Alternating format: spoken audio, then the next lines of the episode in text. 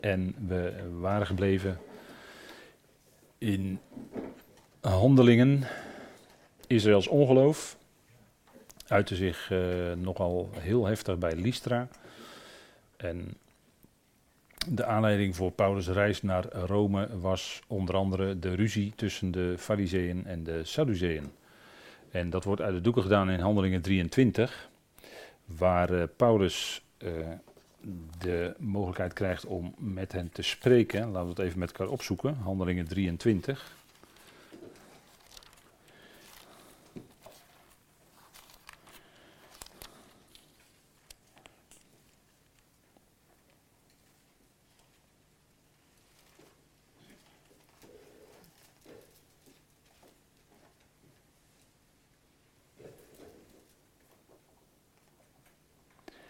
En daar is Paulus dan aan het woord en dan is hij daar bij het Sanhedrin.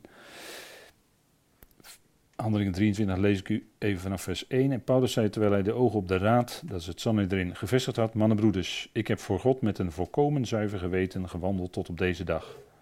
Maar de hoge priester Ananias beval hen die bij hem stonden hem op de mond te slaan. Toen zei Paulus tegen hem: God zal u slaan, wit gepleisterde wand. Zit u hier om een oordeel over mij uit te spreken overeenkomstig de wet en geeft u bevel tegen de wet in mij te slaan? Dat is natuurlijk een. Uh, het Sanhedrin had iemand tegenover zich die ook zelf die wet natuurlijk eh, net zo goed kende als zij zelf. En zij die daarbij stonden zeiden, scheelt u de hoge priester van God uit? Toen zei Paulus, ik wist niet broeders dat hij hoge priester is, want er staat geschreven, u mag geen kwaad spreken van de leider van uw volk.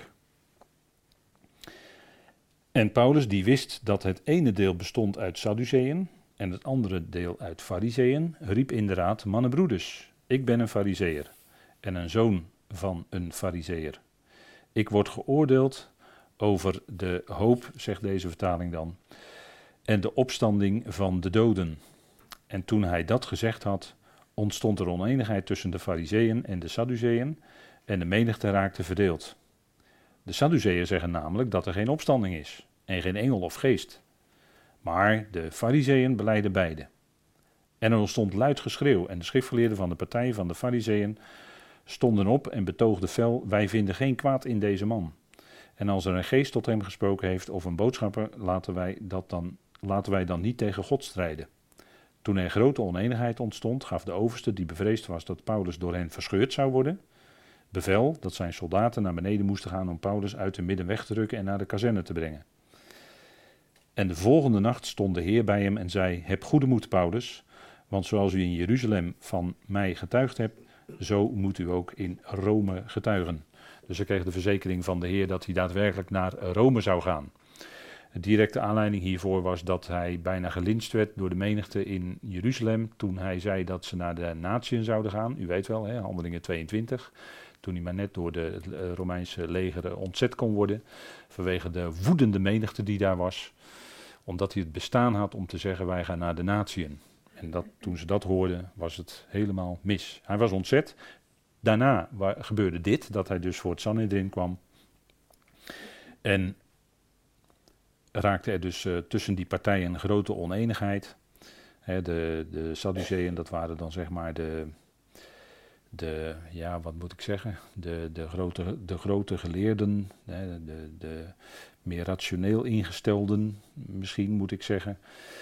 En uh, daarvoor wordt duidelijk hier gezegd, de Sadduceeën zeggen namelijk dat er geen opstanding is en geen boodschapper of geest, maar de Fariseeën beleiden beide. En Paulus was een Fariseer en hij wist natuurlijk dat die, dat Sanhedrin bestond uit Sadduceeën, Fariseeën.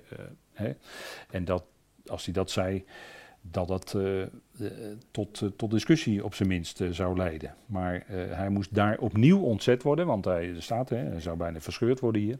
Dus opnieuw werd hij bijna weer gelinst en moest opnieuw ontzet worden door de Romeinen. En toen stond de Heer bij hem, kwam de Heer bij hem en zei in de nacht, Paulus, je zal ook in Rome van mij getuigen. Dus daar kreeg hij de verzekering dat hij daadwerkelijk in Rome zou komen. En dat was de verzekering die hij hem gaf. En Geer gaf hem nog meer, hè, te, te delen met anderen. Maar dit is uh, een, een aanleiding hè, waarin, waarin we zien dat hij die reis naar Rome daadwerkelijk zou gaan ondernemen. Hij wist het. En dan komt Paulus ook later, hè, want het is een heel gebeuren. Hè, want ze weten eigenlijk niet goed, hij beriep zich, hij was natuurlijk een Romeins staatsburger, van geboorte zelfs, had hij gezegd uh, toen hij uh, in Filippi uit de gevangenis werd bevrijd. Toen zei hij, ik ben door geboorte. Hij was Romeins staatsburger, dus hij had daardoor belangrijke rechten, om het zo maar te zeggen. En toen kwam hij ook voor de pas aangestelde Romeinse procurator Porcius Festus. En die was nog maar net enkele dagen aangesteld over dat, dat gebied, wat uh, viel onder, uh, uh, wat ingedeeld was door Rome.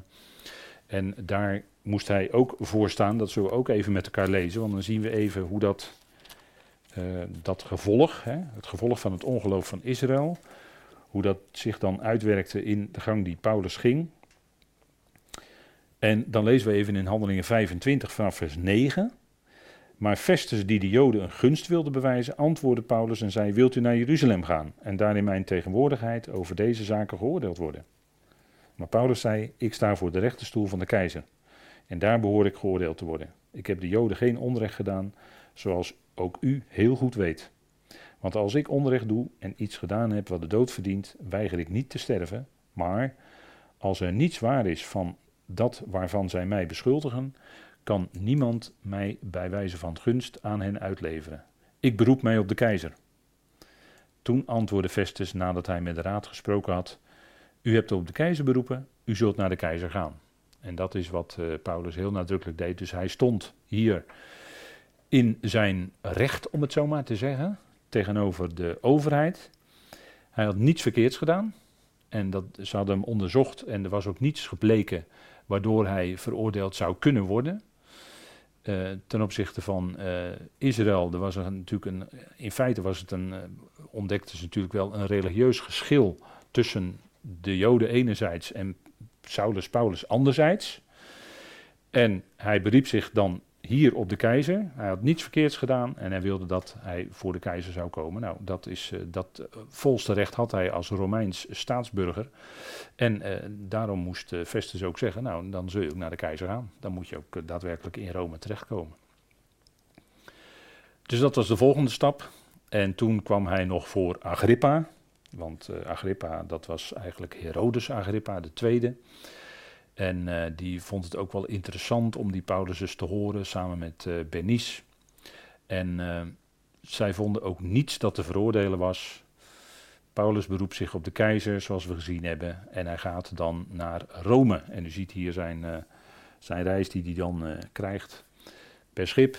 En onderweg nog zelfs schipbreuk leiden. Dat behoorde ook tot meerdere keren tot wat hem overkwam allemaal.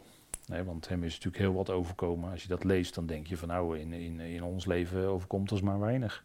als je leest wat Paulus allemaal overkwam. in, eh, in een dag en een nacht in de moeras verblijven. En uh, diverse keren schipbreuk lijden. Een paar keer de, de 40 min 1 stokslagen krijgen. Gegezeld worden door de Romeinen ten onrechte. Uh, in, de gevangen, in de gevangenis gezet worden ten onrechte. Voet in het blok. En dan zingen in de nacht. Ik geef het je te doen je, rug is opengestreamd door de gezels. Dat, is, eh, dat was geen pretje hoor, gegezeld worden. Dat ging echt heel heftig aan toe. Paulus en Silas werden gegezeld. S'nachts zaten ze met de voet in het blok. Dus uh, de rug die uh, schrijnde behoorlijk. En dan kun je ook nog niet goed bewegen doordat je voet in het blok. En je zit dan misschien, probeer dan tegen de muur aan te zitten met alle pijn die je hebt. En dan zingen in de nacht. En dan zingen in de nacht. Dat is toch wonderlijk hè, dat je dat kunt. Dan zegt u, ja, dat is, dat, is, dat is eigenlijk verbazingwekkend. Ja, dat is het ook. Maar dat is de kracht dan die de Heer dan geeft om toch in die situatie die vreugde uit te zingen. En uh, ja, dat is wat je ook wel eens als gelovige misschien hebt. Hè, dat je s'nachts wakker wordt en alles komt op jou af en je hele hoofd zit vol met gedachten. En je zit van alles tegen en het is moeilijk. En, uh, en, dan, is het misschien soms maar het beste om gewoon te gaan zingen. Gaan ze een mooi lied zingen. Of uh, gaan ze iets luisteren. En tegenwoordig uh, zijn natuurlijk zat mogelijkheden om gewoon de Bijbeltekst zelf gewoon te luisteren. Die is dan ingesproken. De Bijbeltekst zelf gewoon luisteren. Kan je ook doen. Waarom niet? Kan je kan rust geven in je hart en je bidden voor en, en, en zingen. Ja, dat kan gewoon fijn zijn. Dat, dat uh, kan dan ineens toch een stuk rust geven. Zing in de nacht. Dat is wat we, wat we kunnen doen als gelovigen. Hè? En natuurlijk ook is dat een beeld van nacht, duisternis. Als alles tegen zit in je leven en je ziet het niet meer. Het lijkt alles maar duister. Je ziet geen uitweg meer als gelovige. Dat, dat kan je zomaar overkomen. Er gebeurt dan ineens zoveel. Nacht, het lijkt wel nacht. Ja, zingen, dan is God daar. Toch, toch. Voor hem is geen duisternis natuurlijk. Hè? Voor hem is de duisternis als het licht, zegt Psalm 139, toch?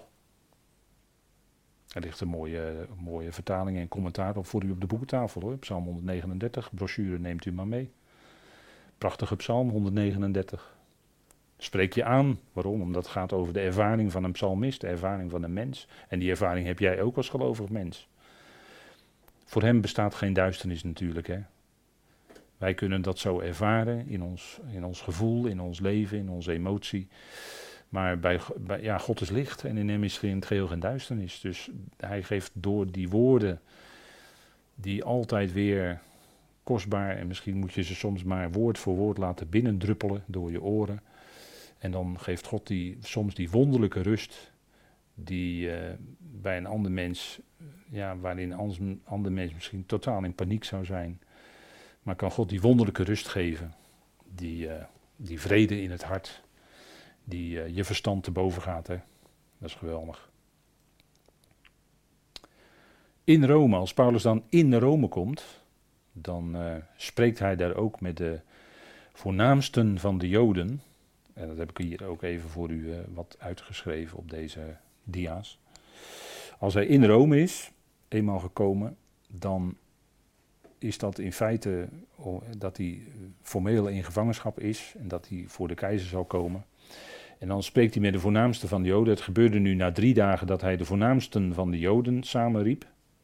En terwijl ze nu samenkwamen, zei hij tegen hen: Ik, mannenbroeders, heb niets tegengesteld aan het volk of aan de vaderlijke gewoonten gedaan. Er, werd natuurlijk, er gingen natuurlijk allerlei verhalen over Paulus, deden de ronde. Maar ja, er was weer die grote duim, hè, waar dan, eh, dat was grote duimenwerk maar werd gebonden overgegeven uit Jeruzalem in de handen van de Romeinen, die, mij beoordelend, de bedoeling hadden mij los te laten, omdat er geen enkele oorzaak tot de doodstraf was in mij. Dus hij, hij was daar en er was niets waarvan hij terecht beschuldigd kon worden. En toch was hij daar in gebondenheid, in gevangenschap. En dat, natuurlijk, dat moest ook zo zijn. De Heer had, was, bij hem, hè, in die nacht was de Heer bij hem, had bij hem gestaan, had tegen hem gezegd, je zult in Rome van mij getuigen, bij de keizer. En zo zou het ook gaan gebeuren, hè, zo zou het ook zijn. Maar hij had niets gedaan waarvoor hij, zelfs ook maar enigszins, maar heel, al helemaal niet waarvoor hij de doodstraf zou kunnen krijgen. En hij vertelt dan omdat er echte tegenspraak was van de Joden, werd ik genoodzaakt mij op de keizer te beroepen. Niet alsof ik iets had om de natie te beschuldigen. Om deze reden dan verzocht ik jullie om jullie te zien en te spreken, want omwille van de verwachting van Israël ligt deze keten om mij. dus hij was geboeid en het was ook eigenlijk tekenend, want die boeien kun je zeggen, was door in feite door toedoen van het volk Israël. In feite door het toedoen van hun ongeloof. Daarom droeg hij die ketens. Daarom was hij gebonden, geboeid, hier. En dat was omwille van de verwachting van Israël, droeg hij die keten. En dat was vol, volkomen rechtens. Hè? Paulus was volkomen vrij van, van iets. Eh, er was niets wat hij, wat hij, waarvan hij terecht beschuldigd kon worden. Het waren allemaal verhalen die over hem de ronde deden. in, in handelingen zie je dat ook, dat hij dan, eh, dan werd er dan beweerd dat hij tegen, uh, tegen Mozes zou leren, dat hij tegen de, de wet in zou gaan enzovoort. Het was gewoon allemaal niet waar. Het was gewoon allemaal niet waar. En de Heer had ook gezegd van, nou als de mensen kwaad over je spreken, laten het dan liegende zijn. En als het dan liegend is, ja, dan, dan hoef je helemaal niet, dan hoef je daar helemaal niks van aan te trekken. De Heer kent je motieven en de, als je motieven zuiver zijn, nou, dan is toch prima. Waarom zou je, waarom zou je dan. En, en het is uiteindelijk toch de Heer die het beoordeelt. Hè. Uiteindelijk is het toch altijd. Hè, ook, je, je kan proberen natuurlijk te raden, ook bij medegelovigen, wat dan motieven zouden kunnen zijn voor bepaalde handelingen of voor bepaalde acties. Maar uiteindelijk, zegt Paulus in 1 Korinthe 4, het is de Heer die het bepaalt wanneer bij de Bemma. En laten we dan niet voor die tijd, zegt Paulus, al richten, maar laten we dat dan over aan de Heer bij de Bemma. Die zal dan inderdaad als een rechtvaardige en in volle liefde en in volle genade, zal die datgene spreken en zal ook blijken zoals het was, zoals het is. Dan, zal, dan zullen alle motieven zuiver aan het licht komen. Dan zal de Heer dat laten zien. En dan zullen we zijn doorzoekende woorden of onderzoekende, ja, hoe moet je dat zeggen? Onderzoekend licht kan ik misschien het beste zeggen. Zijn onderzoekend licht kun je dan heel goed doorstaan. Waarom? Omdat je dan in een verheerlijk lichaam bent. Je bent niet meer in dit oude zielse lichaam, maar je hebt dan een geestelijk lichaam. Je hebt een verheerlijk lichaam. En daarom kun je dan dat, dat hè, want mensen hebben daar vaak moeite mee. Ja, die Bema, ik heb daar moeite mee dat daar dan, eh, komt daar dan nog een oordeel? Hè, wordt het gelijk, wordt het woord oordeel in de mond genomen? Nee, de Heer gaat daar uh, datgene doen wat nodig is, zodat iedereen daarna volledig ingezet kan worden in datgene wat de Heer dan bepaalt voor die komende eonen, voor die bediening. En daar, daarvoor moeten eerst allerlei zaken moeten, uh, rechtgelegd zijn, zaken moeten opgelost zijn, uh, noem maar op. De Heer zal dan recht doen bij die Bema. Vandaar dat Paulus dan in 1 Corinthië 4 zegt, want hij zegt, ik, ik weet niet, hè, dan beroept hij even op zijn geweten, heel even. En dan zegt hij, maar ik weet niet eh, wat, wat, eh, wat er dan uh, niet goed zou kunnen zijn. Maar uiteindelijk is dat niet bepalend. Nee, het woord wat de Heer zal spreken bij de Bema, dat is bepalend. Dat licht zal alles doorzoekend zijn. Maar dan zullen we het ook kunnen verdragen. Omdat we dan in een verheerlijk lichaam zijn. Dus dan is een hele andere hoedanigheid zijn we dan. Een hele andere constellatie. We hebben dan geen zielslichaam meer zoals we dat nu hebben. Met vlees en benen en bloed erin. Nee, we hebben dan een verheerlijk lichaam. Wat onsterfelijk is waar geen bloed meer in zit, dus geen zielslichaam meer, maar een geestelijk lichaam. Dat is wat Paulus zegt in 1 Corinthië 15. Dan een geestelijk lichaam. We zullen gelijkvormig gemaakt worden aan de hemelse. We zullen het beeld van de hemelse dragen, staat daar dan ook. We hebben het beeld van de aardse, van Adam gedragen, dat doen we nu nog steeds. Maar wij zullen het beeld van de hemelse dragen. Van de Heer, van de Heer uit de hemel. Dat, dat is zoals Paulus erover spreekt. Hè? En dat, dat is ook het geweldige natuurlijk in de opstanding straks bij de bazuin. Een, een zielslichaam, hè, als mensen nu komen te overlijden, dan zaaien wij een zielslichaam, maar een geestelijk lichaam zal dan opgewekt worden. Dat is zoals de 1 Korinthe 15 erover spreekt. En dat is wat we goed mogen beseffen. Dan, dan is daar inderdaad heerlijkheid, kracht, onsterfelijkheid enzovoort. Hè, dat is die geweldige verandering die we dan mogen meemaken. Daar kijken we naar uit met z'n allen natuurlijk. Daar kijken we naar uit. En dan zullen we verenigd worden met, uh, met ieder die ons uh, tot nu toe ontvallen is. En al die leden van het lichaam van Christus, van, van begin af aan tot, tot, nu, tot en met uh, de bazuin, tot aan de bazuin. Al die leden zullen dan erbij zijn. En dan zal het natuurlijk een en al heerlijkheid zijn. Maar het Bema-moment komt, dat is, voor, dat is aangegeven door Paulus. Daar spreekt hij regelmatig over. En ook zeker uh, eigenlijk altijd in positieve zin. Want de Heer geven, dat onlangs waren we daarmee bezig met het huis van Onesiphorus, weet u wel, uit de 2 Timotheus. En dan zegt Paulus dan ook in die brief, de Heer betonen barmhartigheid aan het huis van Onesiphorus in die dag en dan doelt hij op de dag van Christus. Dan doelt hij op dat moment dat we bij de Heer zullen zijn. In die dag gaat de Heer dat allemaal vaststellen. Ja, dat is natuurlijk geweldig. Hè? Dat is onze verwachting. Maar hier heeft Paulus het over de verwachting van Israël. Die hebben een andere toekomstverwachting.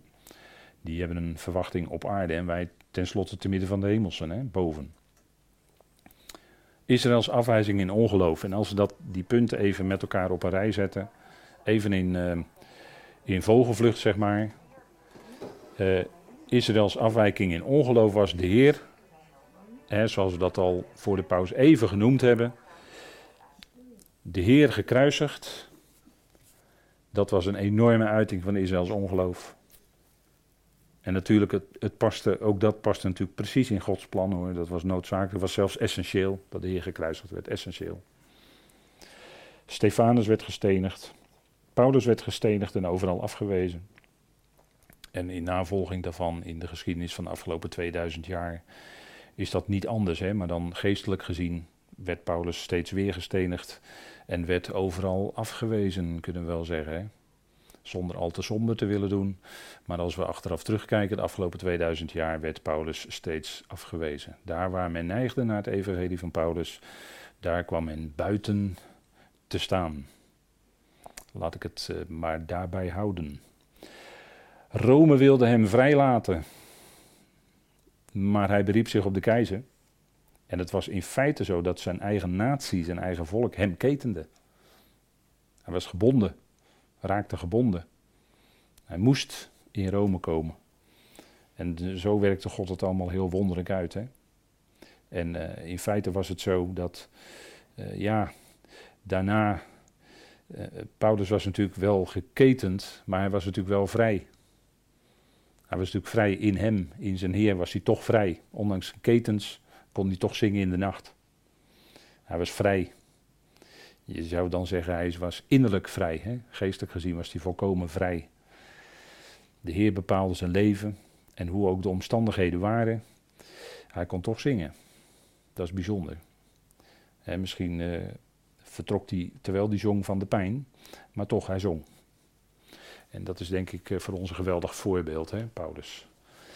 Zijn eigen natie ketende hem, maar op hun beurt raakte het volk Israël ook geketend, gebonden in.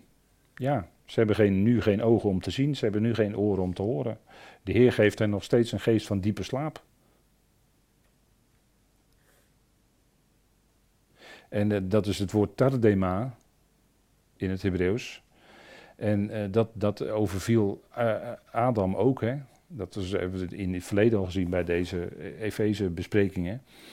Uh, dat was natuurlijk een uitbeelding dat Adam in een diepe slaap kwam en dat Eva uit hem genomen werd.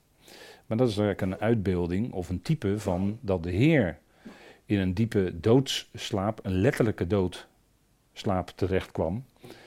En op grond daarvan werd dan later de gemeente, hè, daaruit werd later ook de gemeente het lichaam van Christus geroepen. En daarvan zou je kunnen zeggen, dat, dat, dat gebeurde in, daar toen in die, in die Hof van Weelde, die er toen was, dat, dat wat uh, Adam overkwam, die diepe slaap, dat dat een uitbeelding was in feite van de diepe slaap waarin de laatste Adam, Christus, kwam en waaruit dan de gemeente uh, geroepen werd of uh, uit, hè, uitkwam in feite. Als die nieuwe, ja, degene die al deel hebben aan de nieuwe schepping. Dat is natuurlijk ook, hè. Maar de, uh, Israël is als natie nu nog steeds in, uh, grotendeels in ongeloof. En de Heer zal hen geloof geven als Hij zijn geest zal uitgieten. Zoals de profeten het gesproken hebben dan denk ik aan Joël, dan denk ik aan Jezaja, dan denk ik aan Jeremia, dan denk ik aan Ezekiel. Al die profeten hebben ervan gesproken dat de Heer zal zijn geest uitgieten over dat volk. En Zacharia spreekt dan zelfs over de geest van de genade en van de gebeden.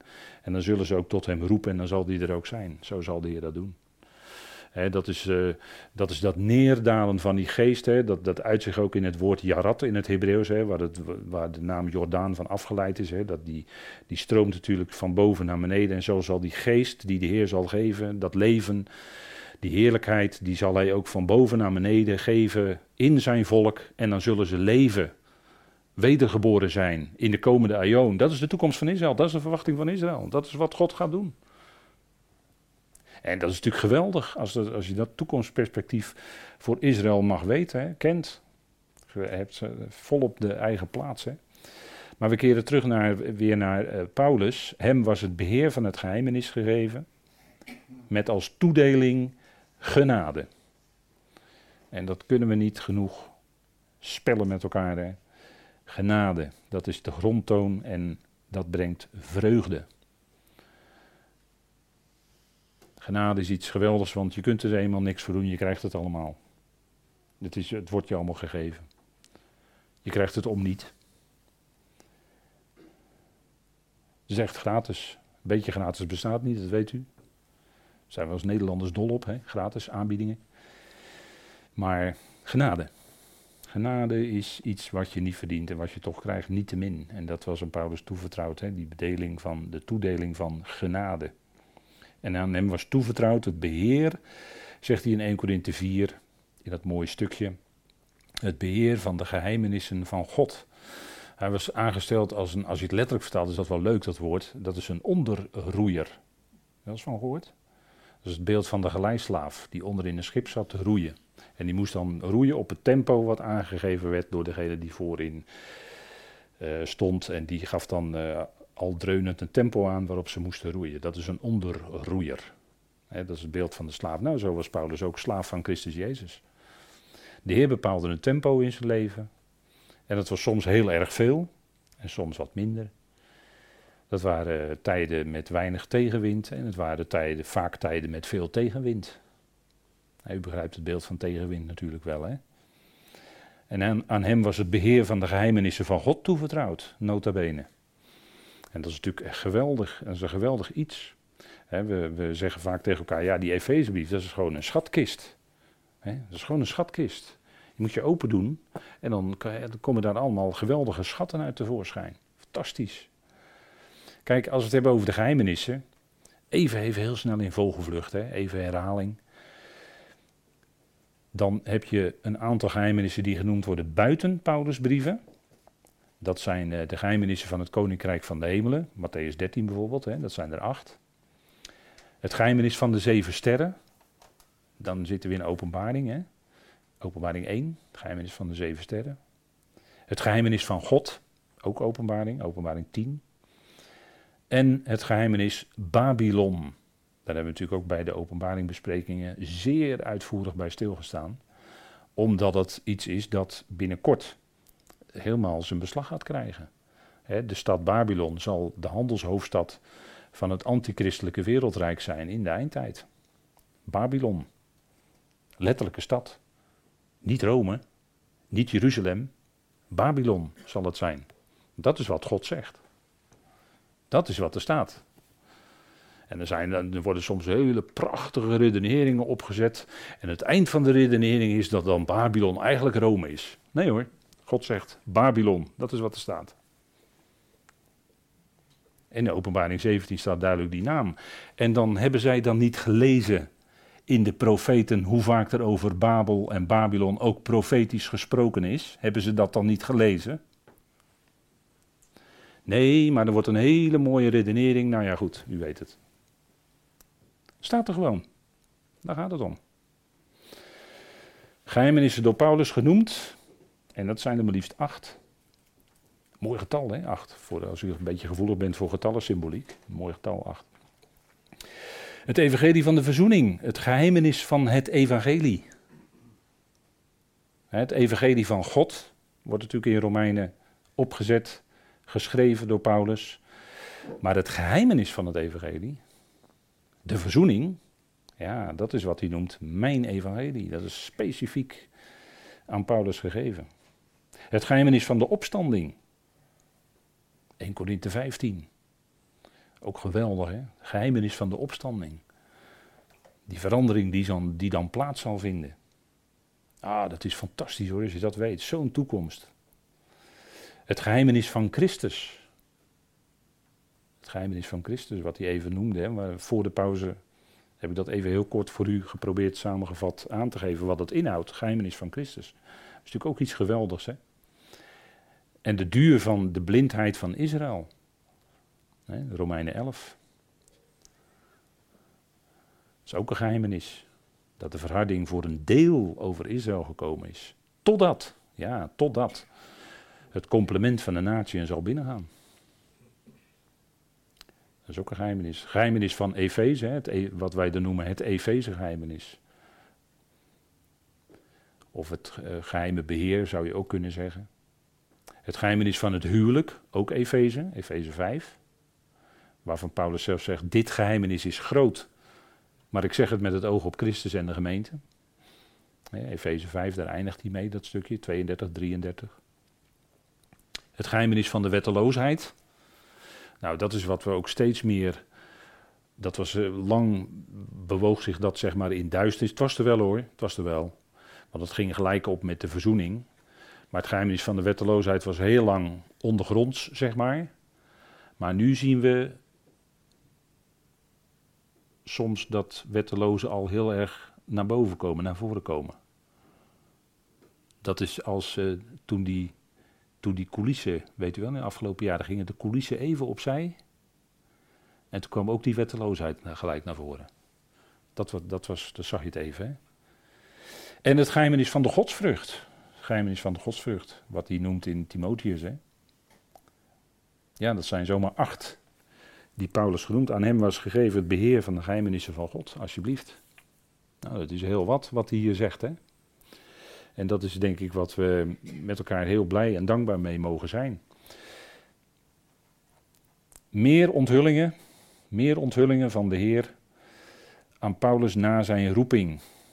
Want Paulus werd geroepen, hè, en als we het hier hebben over die geheimenissen, dan is het dat hij die niet heeft gekregen van een mens of mensen, dus niet van Petrus of de twaalf. Nee, hij heeft ze van de Heer zelf gekregen. En daartoe is de Heer meerdere keren aan de apostel Paulus verschenen. Heeft hij ze meerdere keren aan hem onthuld. Ook na zijn roeping.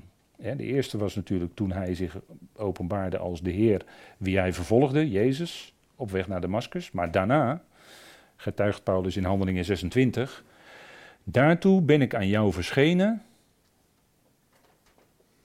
als ook datgene waarvoor ik nog aan jou verschijnen zal, had de Heer toen tegen hem gezegd.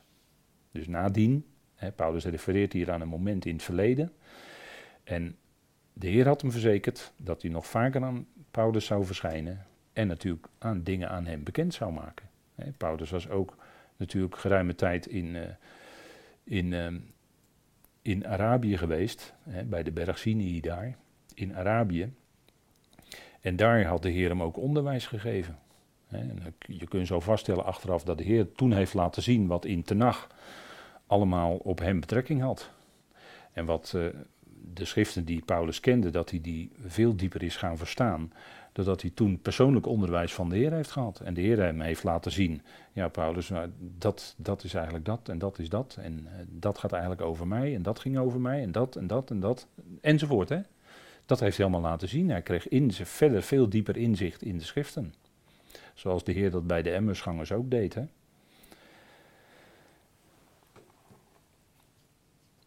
De Heer verscheen op diverse momenten aan de apostel. En daarin had hij aan Paulus die geheimenissen bekendgemaakt. we, hebben, we lezen met elkaar dat Paulus hier zegt: Het beheer van de genade van God, dat mij gegeven is voor jullie. Het was aan hem gegeven, het was aan Paulus gegeven door de Heer.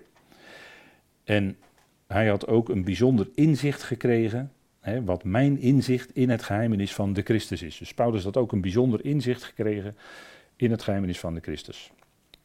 Niet zomaar van de eerste de beste, nee van de Heer zelf.